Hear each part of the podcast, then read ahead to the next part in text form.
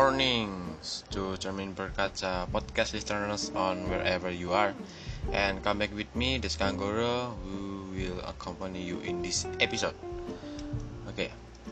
Reassuring its user has become an obsession for WhatsApp ever since the beta buzz started circulating about its new terms of use. The application has reinforced its communication in attempts to appease those who would become the other messengers. Using the status function, the equivalent of stories on Facebook, WhatsApp can read or listen to your personal conversation as there are end-to-end encryption. The message is clear to reassure its user and confines them to stay.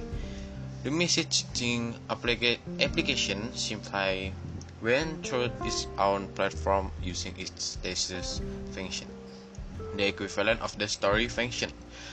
Third, for publication WhatsApp went to clarify its position regarding accusations made against it.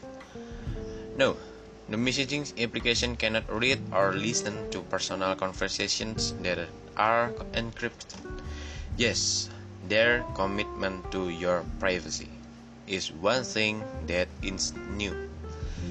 This message let the user setting the link to whatsapp.com slash privacy, which is in the intent to explain the privacy settings of the applications.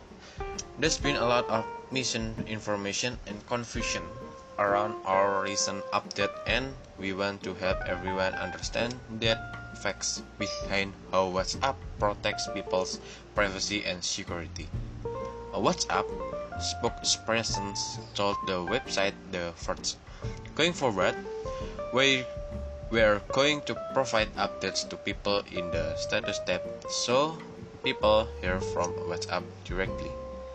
Our first update reframes the WhatsApp cannot see your personal message and neither can Facebook because they are protected by end-to-end encryption. Since the announcement of the messaging service new terms of use.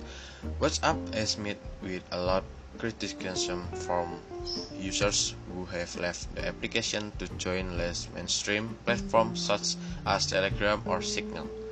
Since then, this messaging system have posted record-breaking signs ups and are now a uh, must-have for many.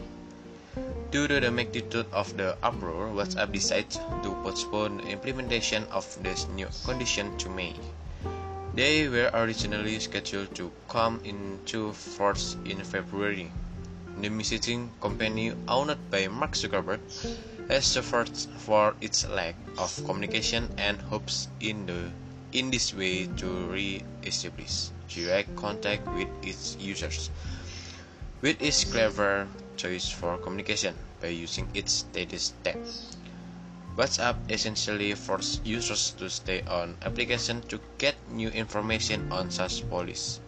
Stay tuned for more updates. The last status publication of WhatsApp says AFP Relax News. Thank you.